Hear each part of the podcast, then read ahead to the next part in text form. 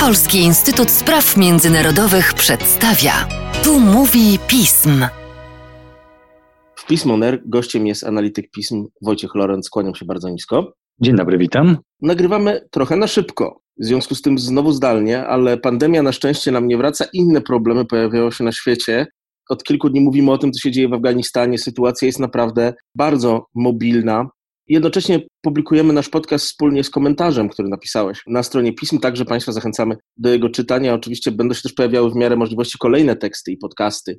Wojciechu, zacznij może od najważniejszego pytania. Pytania bardzo ogólnego z pozoru, ale jednak chyba tutaj ważnego. Jak to się stało, że ta cała układanka budowana przez 20 lat rozsypała się jak domek z kart i czy to na pewno aby było rozsypanie się jak domek z kart?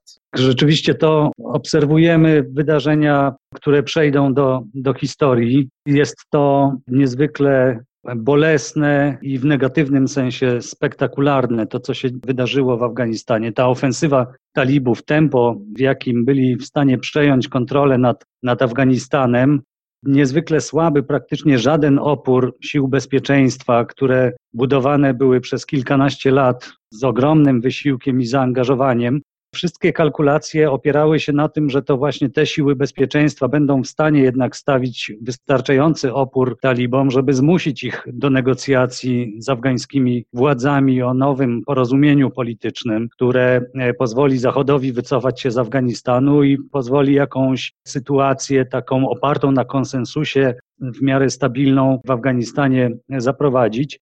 Okazało się, że po podjęciu decyzji o wycofaniu wojsk amerykańskich i w konsekwencji także sił międzynarodowych, przede wszystkim NATO z Afganistanu, siły bezpieczeństwa afgańskie zostały pozbawione kluczowego wsparcia, przede wszystkim wsparcia z powietrza, ale to nie był jedyny czynnik, który spowodował, że one się rozsypały jak domek z kart. To po prostu okazało się, że decyzja o całkowitym wycofaniu i potem sposób przeprowadzenia tego wycofania miał tak destrukcyjne, psychologiczne znaczenie, wpływ na, na Afgańczyków, na siły bezpieczeństwa, że utracili całkowitą wolę walki. Do tego doszedł brak przywództwa silnego przywództwa w Afganistanie, złe zarządzanie tymi siłami i potężna, głęboka korupcja, o której zawsze wiedzieliśmy i z którą nigdy nie można było sobie poradzić. W efekcie świetnie przygotowana ofensywa talibów, strach przed tymi niezwykle brutalnymi bojownikami, którzy jednak no, często jeńców nie biorą.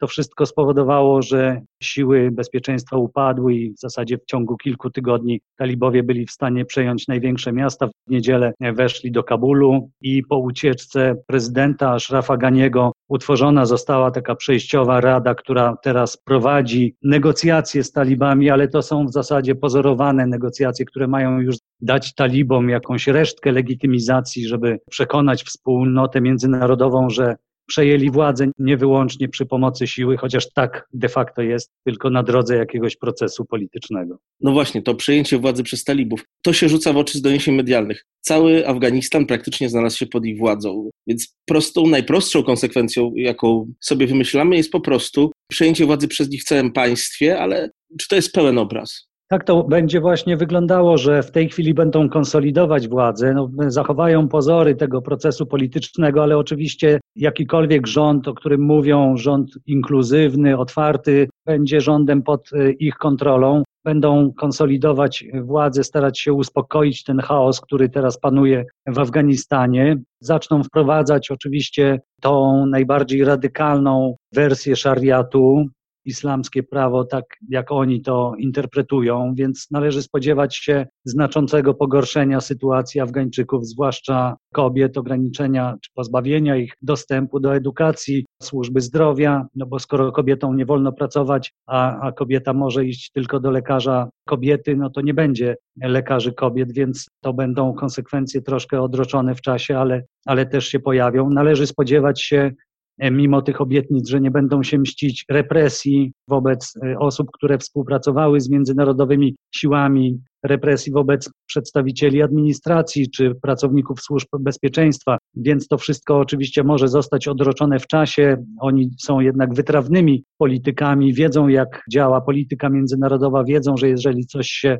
w czasie rozciągnie, to uwaga międzynarodowa będzie już mniej skupiona na Afganistanie i wtedy będą mogli bez żadnych zahamowań powrócić do tego modelu rządów, jaki widzieliśmy w latach, na początku lat 90., więc no niestety przyszłość dla Afganistanu maluje się w czarnych barwach, chociaż oczywiście to nie zwalnia wspólnoty międzynarodowej z tego, żeby starać się wywrzeć jak największą presję na talibów wspólnota międzynarodowa i konsekwencje. Mamy w głowie obrazy pokazujące ewakuację Amerykanów, mamy upadek, e, przynajmniej symboliczny, pewnej amerykańskiej dominacji, ale nie tylko amerykańskiej. Jakie naprawdę konsekwencje, poza takimi symbolicznymi, medialnymi, dla międzynarodowej wspólnoty, dla świata może wywołać to, co stało się w Kabulu i całym Afganistanie? No przede wszystkim w krótkiej perspektywie będziemy mieli do czynienia z falą uchodźców do państw ościennych. Stamtąd uchodźcy, duża część z nich będzie próbowała się dostać do bardziej odległych państw, do, do Unii Europejskiej, więc należy się przygotować na ewentualny kolejny kryzys migracyjny i podjąć odpowiednie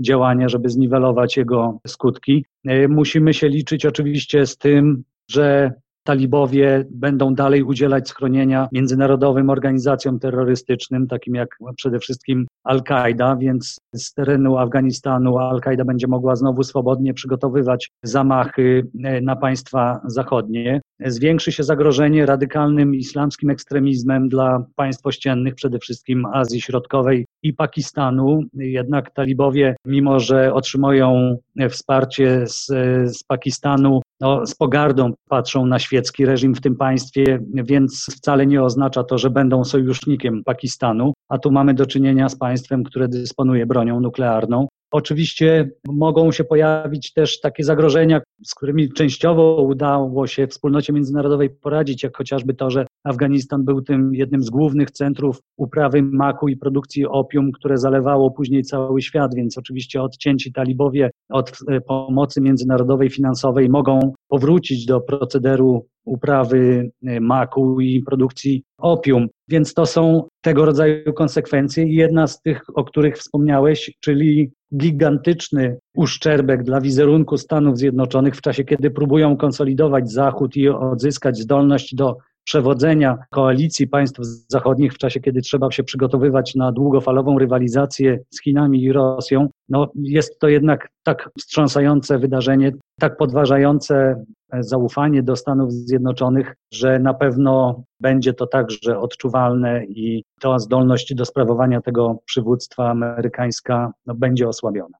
Powiedziałeś o Stanach Zjednoczonych, ale też kwestia reakcji Unii Europejskiej i NATO pozostawia według niektórych wiele do życzenia. Dopiero we wtorek zbiera się odpowiednie posiedzenie w Unii Europejskiej. Też trochę zaspaliśmy, też znowu pokazane zostało przewaga państw, które mogą samodzielnie podejmować decyzje nad organizacjami międzynarodowymi. No tutaj rzeczywiście trzeba pamiętać, że tempo tych wydarzeń zaskoczyło większość analityków i znawców e, Afganistanu i służb e, wywiadowczych. No, jeszcze w ostatnich tygodniach słyszeliśmy oceny, że oczywiście upadek Kabulu jest prawdopodobny, ale to potrwa kilka miesięcy, a potrwało w zasadzie tylko kilka dni. Więc rzeczywiście tempo tej ofensywy i słabość sił bezpieczeństwa były tak zaskakujące, że zakładano, że jest jeszcze czas, żeby podjąć jakieś działania, gdyby trzeba było ewakuować byłych współpracowników e, NATO czy Unii Europejskiej w Afganistanie. A w tej chwili e, podejmowane są na szybko e, działania. Państwa przede wszystkim zaczęły działać indywidualnie, wysyłać samoloty, żeby ewakuować tych najbardziej zagrożonych,